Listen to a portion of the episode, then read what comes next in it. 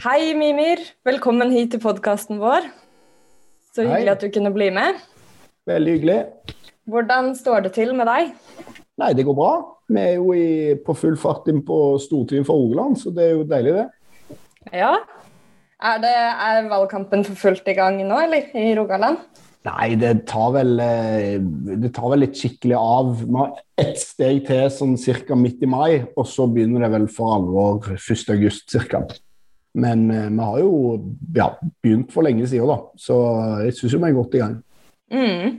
Ja, vi skal snakke litt mer om det, men jeg tenkte, Mimir, aller først så må vi jo få bli litt bedre kjent med deg. Du er førstekandidat for eh, Rødt i Rogaland. Men hvem er du utover det? Nei, hva skal man si? Altså, jeg er far til en jente og er glad i å gå på pub og drikke øl og se på fotball. Altså, jeg har ikke så mye spennende. Jeg har ikke sånn hobbyer, liksom, på den måten. Eh, Så jeg forfatter egentlig yrket mitt, eller journalist kanskje egentlig yrket mitt. Så jeg jobber med å skrive, og det er jo en veldig privilegert og kjekk jobb å ha. Mm. Eh, og, ja, og ellers så er det vel småbarnsliv, ja, som eh, kjenner til min hverdag. Mm. Ja, det har jo blitt noen eh, bøker etter hvert. Hvordan er, hvordan er liksom eh, prosessen, eller hvordan er det du kommer på hva det er du skal skrive bok om? Ja, altså Akkurat det er ikke så vanskelig, for jeg føler jo jeg har 10 000 bokideer hver dag. Men eh, mitt problem er jo egentlig å gjennomføre det. det er jo egentlig det. Jeg er ikke noen sånn long distance man eh, på noen som helst måte. sånn at jeg, eh, jeg er god på, på idéfasen og litt dårligere på gjennomføringsfasen ofte.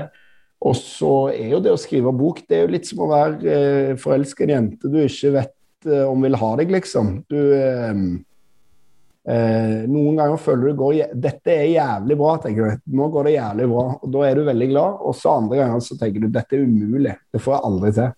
Så det er veldig sånn følelsesmessig berg-og-dal-bane der å skrive bøker. Ja, jeg kjenner meg igjen. Jeg sitter og skriver innspurten på en masteroppgave nå. Så. Ja, ikke sant?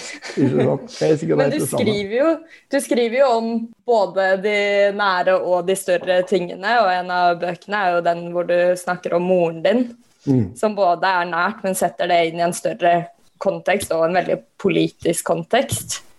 Er det noe som er med deg nå i, i valgkampen også? Ja, jeg syns jo det er en hovedsak for Rødt, egentlig. Eh, å stoppe mobbingen av uføre folk og, og sjuke folk. Vi har jo en situasjon i Norge egentlig der det å, å være eh, hjelpetrengende og komme til Nav-systemet er uglesett, eh, rett og slett. Og der man fort kan bli stigmatisert eller snakke snakka dårlig om hvis man gjør det. Og, så det, det er nok en hjertesak for meg, egentlig. Det er at går du på arbeidsavklaringspenger eller på uføretrygd eller eh, på sosialhjelp for den del, så, så har du det ille nok fra før om ikke eh, du skal bli liksom snakka drit om av, eh, av folk med høy utdanning og høy lønn, som jo er det Mm. som skjer nå. Ja, ja, for jeg virker ferdig med det å tenke at folk som er syke, er late? Og det er jo fort en fulltidsjobb også, ikke sant? Og, Ja, det er jo utrolig mye arbeid å være arbeidsløs, som, Mm. som kjent, og for så vidt òg veldig krevende å være syk. Jeg tenker på mor mi, f.eks. Hun har jo Altså, Hun har så mange avtaler. Hun har jo like mange avtaler som jeg har. Eh, og jeg er jo i full aktivitet og møter hele tida og alt mulig. Men for henne så er det jo leger, det er jo eh, hjemmehjelp som skal komme innom, sortere piller. Eh, hun klarer ikke å vaske leiligheten sjøl, det kommer vaskehjelp innom. Da må hun sånn, da må hun sånn.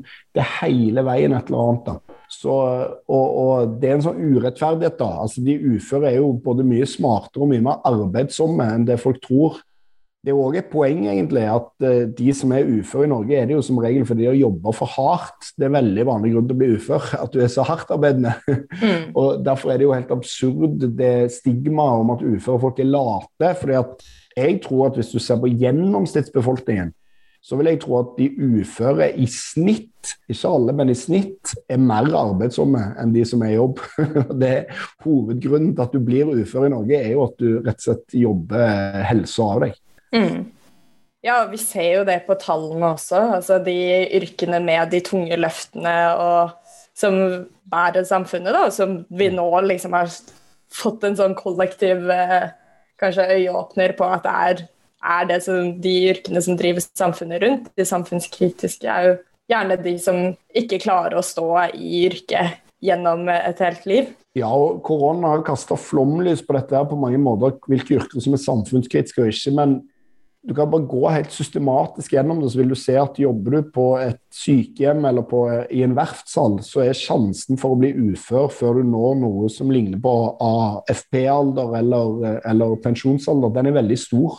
Mm. Mens i mitt yrke da, som forfatter, så er jo eh, Klarer du bare å styre unna og drikke deg i hjel som 27-åring, så kan du jobbe resten av livet, liksom. Eh, og, og, sånn er det med folk som sitter på eh, kontorer, eh, folk som har den type jobber. da. Og Det er et privilegium jeg tror det er veldig lett å glemme. At du rett og slett jobber i en jobb der ikke kroppen din blir ødelagt av å, av å, være på jobben. Og det, De aller fleste i Norge dessverre da, jobber jo i et arbeidsliv som ødelegger kroppen deres. Mm. Ja, ja, det er et veldig, veldig godt poeng. Og absolutt noen som fortjener et løft, og som kommer til å være et fokus for oss i Rødt fremover nå også. Men du Mimir, jeg tenker vi må gå litt tilbake i tid også, fordi jeg lurer på hva er det som har vært veien som har leda deg til å nå stå på topp for Rødt i Rogaland? Helt, Jeg snakka jo med Reidar eh, tidligere i dag, som eh, nevnte at eh, han ble inspirert av deg som RU-leder. Men hva er din vei i Rødt? Ja, nei, altså jeg, jeg var jo AUF-er opprinnelig. Var leder i Stavanger AUF. Og, og på venstresida Det klarer jeg nesten ikke å huske hvorfor jeg havna på. Det har jeg, føler jeg alltid vært. Og foreldrene mine er langt ute på venstre òg, så det er sikkert uh, oppdragelse og, og, medfødthet på en måte. Men, men uh, jeg, eh, pga. Irak-krigen så ble jeg egentlig veldig radikalisert, og så jeg aksepterer vel ikke den uh, linja som Arbeiderpartiet la under Irak-krigen. Og, om at man kunne støtte bombing av Irak hvis de bare klarte å tuske til seg flertallet i Sikkerhetsrådet. liksom. Og Det førte meg jo ut i Rødt, og, og der oppdager jeg jo, som jeg tror gjelder alle AUF-ere, også de som er med i AUF ennå, at jeg er mye mer radikal enn det Arbeiderpartiet sa. Mm. Og så var jeg jo 16 år og leste Lenin og sånn, så jeg, jeg, hadde mye å si det òg. Eh, og så ja, og så var jeg jo ute av Rødt veldig lenge, eh, og var jo utmeldt, og jeg har ikke engang alltid stemt på Rødt. Så, så jeg, jeg, var ute og tenkte at det var jeg liksom ferdig med. Men så syns jeg at det som liksom har skjedd i Rødt i det siste, eh, de siste årene har vært at Rødt har gjort seg selv til en relevant kraft mm. Eh, for vanlige arbeidsfolk i Norge. og Da mener jeg ikke sånn gått til høyre og blitt mer moderat og sånn, for det, det, er ikke noe interessert egentlig. Men, men at, at folk flest da, er, har bruk for Rødt, og det, og det, er ikke gitt at de hadde for 10 og 15 år siden. Så, så dermed så tenkte jeg at jeg skulle hive meg inn i det igjen. og ja, ble spurt på en eh, fest når jeg var drita full om jeg ville stå på topp i Rødt i Stavanger, da, og det eh, svarte jeg ja på. Og så jeg, eh, dagen, dagen, etterpå da, lever, levere på det løftet. Så derfor er jeg her. ja, men jeg tror, jeg tror, ikke du er alene om den uh, historien, da. Og jeg tror også det er viktig å, å trekke frem, fordi det er jo veldig mange av oss som, som er Altså, vi er jo det partiet med største velgerlojalitet, og veldig mange får jo inntrykk av at man er liksom hardbarka røtter mm. på livet. Men det er nok mange som kjenner at man ja, beveger seg inn og ut av prosjektet, og, og som også har kommet tilbake nå de siste par årene da, og ser virkelig den krafta partiet utgjør. Ja, og, og jeg tror jo òg at um jeg, jeg, jeg, tror jo de aller, aller fleste velgerne i Norge eh, ligger til venstre for det de stemmer på, nesten. Mm. Eh, det store flertallet i Norge de ønsker seg jo mye mindre forskjeller, og mye hardere skatt på de rike, et ordna arbeidsliv. Altså Rødt er jo egentlig et, et flertallsparti på veldig mange måter, ut ifra de standpunktene man har.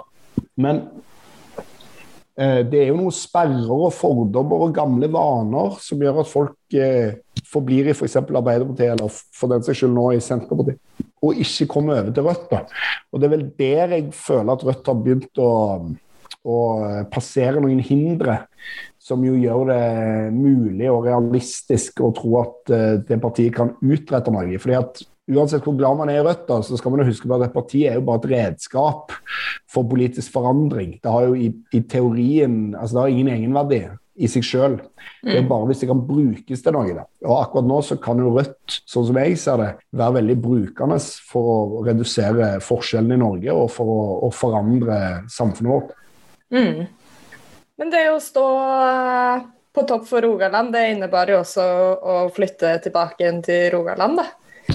Ja, men jeg er jo herfra, da. Så da, på en måte, jeg har jo bodd i Oslo med bismak i mange år. da, og Selv om det er vanskelig for Oslo. ja, det var med bismak? Ja, ja, ja. og Du skjønner det er vanskelig for Oslo-folk å tro at uh, Altså, Oslo-folk skjønner jo ikke at halvparten av oss som bor i Oslo, ikke har noe lyst til å bo Bare, Det er der jobbene er, det er der mulighetene er. Så Det var jo ca. samtidig som jeg fikk barn, eh, litt etter vi fikk barn òg. Og damer er også fra Stavanger, så da eh, flytta vi hjem og, og, tenkte at det var det rette å gjøre. da. Så, men som sagt, jeg, jeg er jo herfra, så uh, jeg trives veldig godt der. Mm. Føler du at det er det samme Stavanger du kom tilbake igjen til, eller er det ting som har skjedd der òg? Nei, Stavanger har utvikla seg veldig. Det er jo på en måte et slags nyliberalismens laboratorium. Stavanger, For Det er jo en by med utrolig mye penger i eh, pga. olja. Og det har vært veldig mye mm. penger her. Og, og um, det er en by med veldig store sosiale forskjeller, veldig mye barnefattigdom. Eh, mange som ikke får ta del i den velstanden som er her. Så, så Stavanger er på en måte endra. Altså, når jeg flytta herfra, så var det jo det er jo i 2004, da, men da var jo Stavanger en slags sånn bedehusby ennå. Mm. Veldig prega av kristendom og, og, moral. Mens nå er jo Stavanger sånn Norges Las Vegas, liksom. Den minst moralske byen som fins. Og det er jo bare fordi det, det renner jo inn med, med penger og, og, og ja, Gud har veket for mammon, da. Så Stavanger er veldig annerledes enn det var. Og det tror jeg nok òg er en av grunnene til at Rødt gjør det bra her. da, er jo at det, det tror jeg mange er misfornøyd med, eller ser skyggesiden av det. Mm. Ja, og så er du jo Du representerer jo et helt uh, hele Rogaland nå, og det er vel ganske stor forskjell på Rogaland for øvrig og Stavanger by. Ja, absolutt. Og Rogaland er jo en fylke som er delt av en jævlig brei og dyp fjord, da, Boknafjorden. sånn at uh, i særlig i nordfylket der så er det jo en jobb for oss med å nå ut. da. Og jeg føler jo et av de største problemene Rødt har, er jo at, at Rødt er jo et eh, hva skal man si, altså, Jo mer avhengig du er av bil, jo mindre aktuelt er det å stemme på Rødt. Sånn at eh, også i Stavanger så ser vi det at det er jo i sentrum, i sentrumsbydelene vi gjør det bra. da. Så er det samme i Oslo, Trondheim, Bergen, alt mulig. Så vår jobb nå er jo å prøve å nå ut mye bredere i fylket. da, og Det jobber vi jo egentlig veldig systematisk med mot nedleggelse av hurtigbåtruter, eh, mot vindkraft, mot etablering av datasenter på matjord, eh, men òg for en eh, velferds- og industripolitikk og, og eh, mot den sentraliseringspolitikken som regjeringen står for.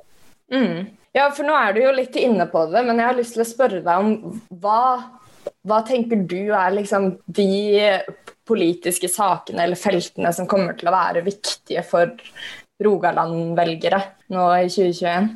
Det er to ting. altså Det ene det åpenbare er forskjeller. da, At Forskjells-Norge har eh, på en helt annen måte synes jeg, blitt avkledd gjennom koronakrisen. Vi har egentlig visst dette hele tida, men nå er det på en måte stilt flomlys på noe veldig ubehagelig. da, Nemlig at Norge ikke er det eh, sosialdemokratiske paradiset som veldig mange tror at det er. Det er tvert imot et ganske knallhardt forskjellssamfunn på mange måter. Men det andre er jo at Rogaland er jo et oljefylke, og, og i Rogaland eh, er man opptatt av industri og verdiskapning. Og mm. Rødt har egentlig ganske bra industripolitikk. Det er bare det at, eh, at eh, vi ikke har jobba nok med å både konkretisere det, men òg å få det ut til folk. Så for oss er det f.eks. veldig viktig at vi prøver å gjenoppdage det som jeg kaller for Statoil-modellene. Som er at staten tar ledertrøyen i å utvinne våre felles naturressurser Sør i Rogaland eksempelvis er det funnet enorme mineralforekomster eh, nå. Det er mange mange hundre milliarder. og Det sier jo regjeringen at nei, det vil vi ikke involvere oss i. Vi vil ikke ha noe med det å gjøre. Det må markedet ta seg av. Men, men vi har jo lært i dette fylket gjennom Statoil at eh, det beste er jo ofte at staten ta seg av det som er felles, lede an, eh, fordele velstand. Og vi syns det er underlig at ikke flere eh, og ser at den metoden som vi brukte når vi bygde opp oljeeventyret, er en suksessoppskrift som bør gjentas, enten vi snakker om oppdrett eller vindkraft eller eh, hva det skulle være, egentlig. Mm.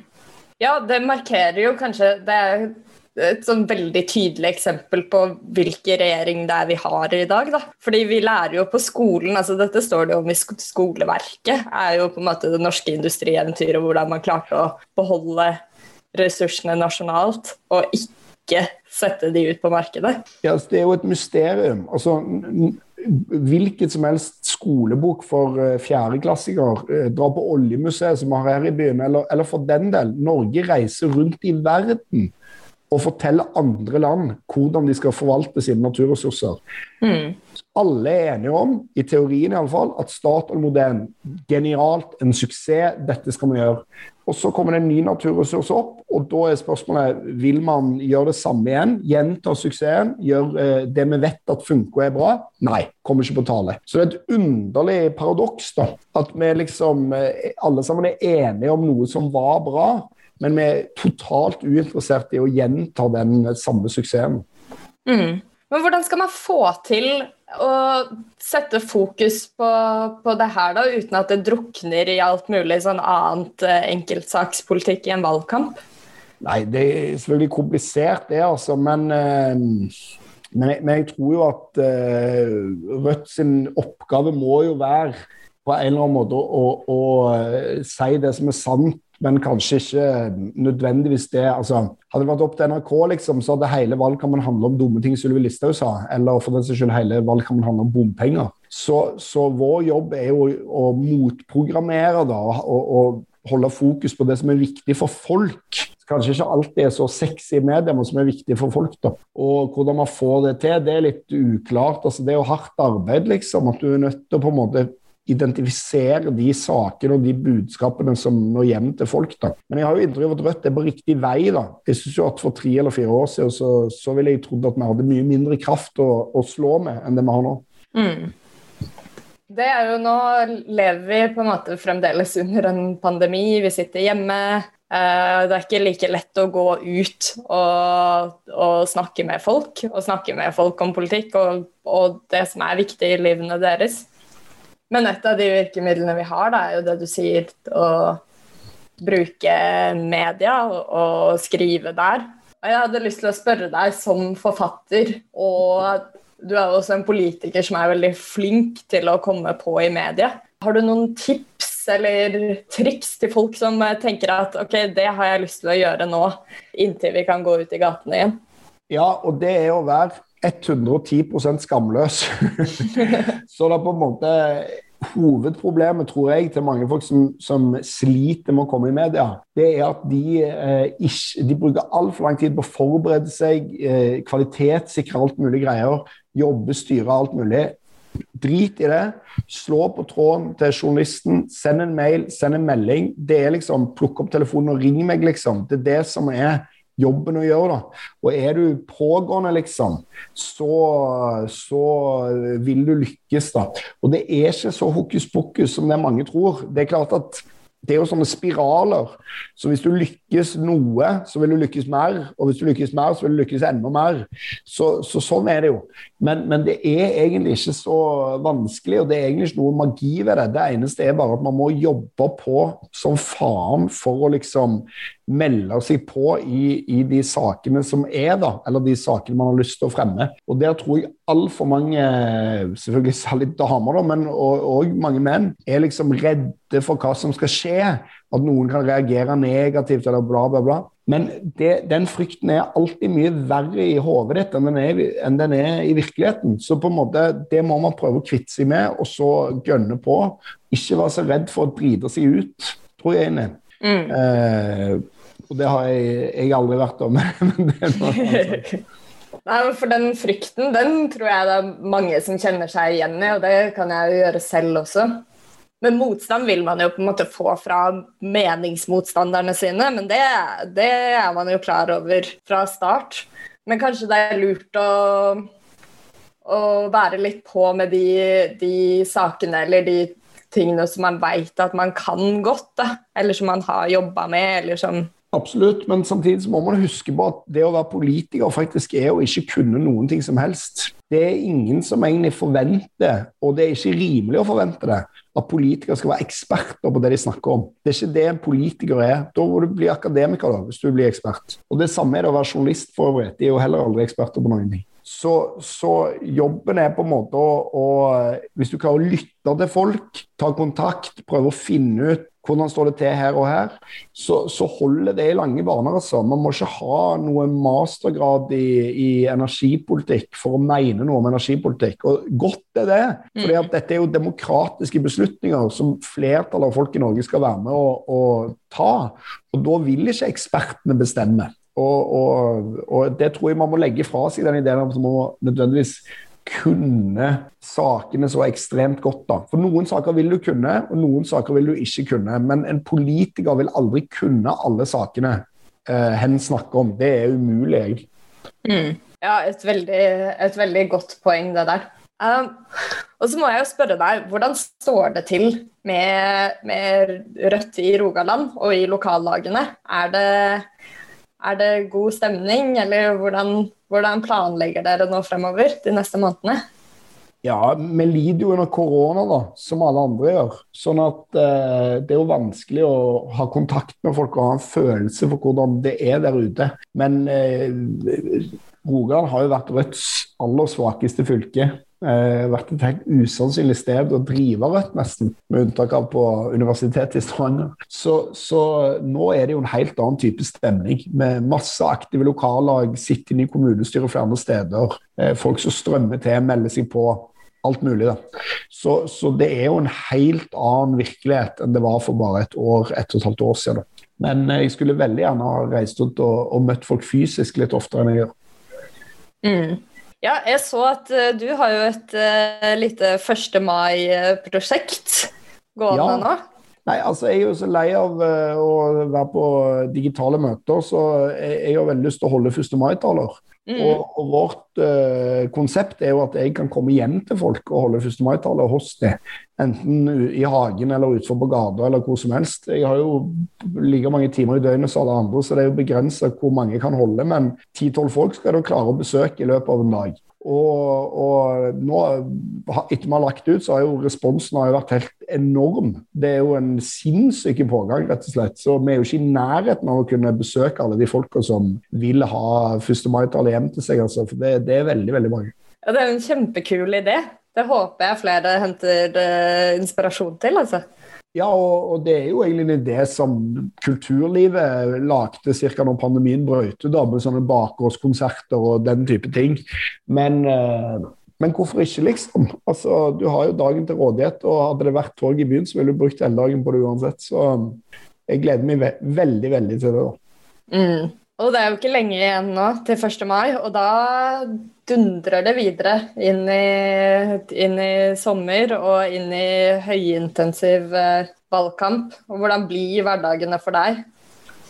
Nei, det er jo eh, veldig travelt, selvfølgelig. Men eh, hva skal man si? Altså eh, vi, vi gønner nok skikkelig på sånn i august når det Vi er ikke kommet eh, You ain't see nothing yet, for å si det sånn. det er ikke kommet helt i gang nå. Så, så det blir jo mye arbeid, altså. Men, men det er gøy òg, da. Det er veldig kjekt å jobbe med. Det er mye kjekkere enn å sitte i kommunestyret og drive valgkamp. Så gleder vi, vi, gleder oss jo veldig til å liksom få litt den der salmøy-følelsen. Komme litt i gang.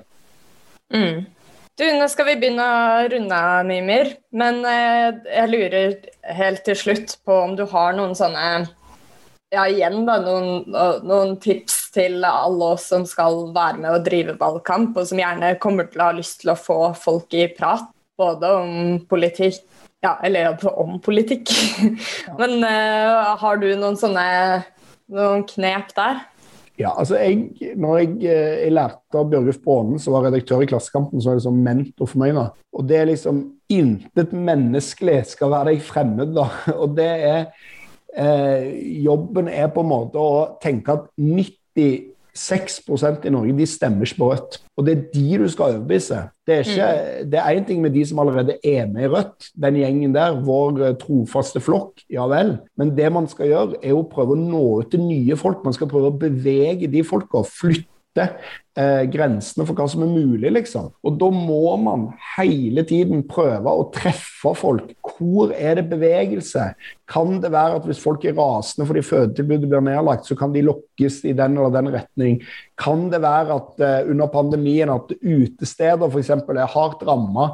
Kanskje plutselig Rødt kan bli et gründerparti uh, for, for, de som driver små utesteder, liksom. Kanskje det går an. Uh, går det an å finne noen treffpunkter inn mot her i mitt fylke, bedehuskristendommen, eller mot Arbeiderpartiets historie, eller det kan være hva som helst, liksom. Men ikke det der sitte på møte med de samme fem folka uke ut og uke inn og være fornøyd med seg sjøl, altså. Det er prøve å tenke alle de folka som vi vil nå ut til. Ikke høyresida, men vanlige folk i Norge. Folk mm. med jobber på callsenter, sykehus, industrien, eh, kontorer, busser, alt mulig. Hvordan kan vi nå ut til de? Hva er våre treffpunkter til de? Og da må man ja, tror jeg, da, ha som utgangspunkt at man er litt ydmyk og skal prøve å, å forstå hvordan andre folk har det. da. Så mm. akkurat det der, da. Intet menneske skal være deg fremmed, og alle mennesker er egentlig nesten potensielle Rødt-velgere utenom den der ene prosenten som er den ekte økonomiske eliten, liksom. Så er resten er aktuelle. da. Så ikke gi opp folk. Ikke tenk bare fordi at han eller hun eller sånn eller sånn. Nei, Gå inn i det, hør, snakk. Prøv å liksom komme i kontakt. Da. Det tror jeg. Mm. Ja, et veldig godt tips. Og det er jo, det er jo kanskje å bevege seg litt utafor eh, komfortsona, men samtidig så er det jo som du sa i stad, med, med, å skrive leserinnlegg eller hva det enn skal være. Så man tenker nok at responsen Man frykter det som er verre enn det det egentlig er. Ja, og altså, Den slovenske filosofen Slavoj Zizek kan si at eh, høyresida jakter på konvertitter, mens venstresida jakter på forrædere.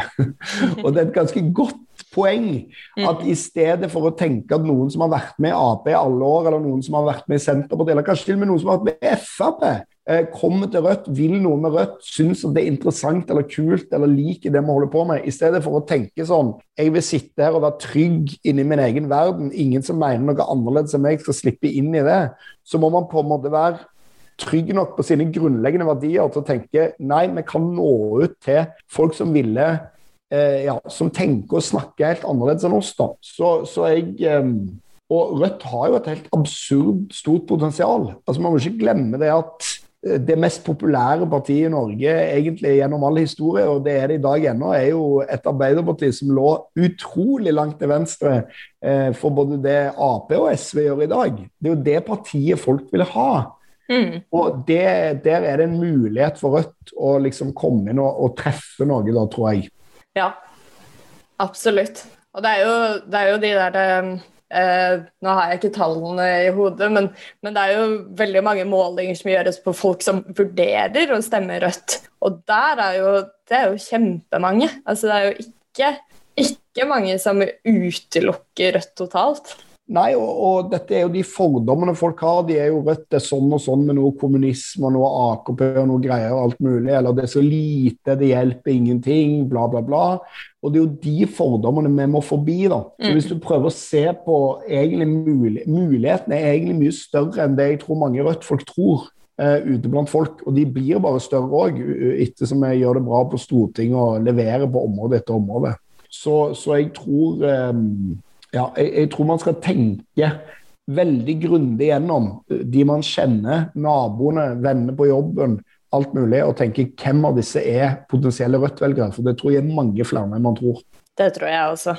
Ja, men Mimir, tusen takk for at du tok deg tid til å, til å snakke med, med oss. Og masse lykke til på 1. mai-turneen. Takk for det. Jeg gleder meg til å, til å, høre om det. Det kommer jo sikkert. Skal du dokumentere det, eller? Ja da. Det blir ikke Det går, går ikke stille i dørene, jeg. Så det, det får, man, får, man sikkert mer enn nok av, kan jeg tenke meg. Ja. ja. Men har du noe siste du har lyst til å dele?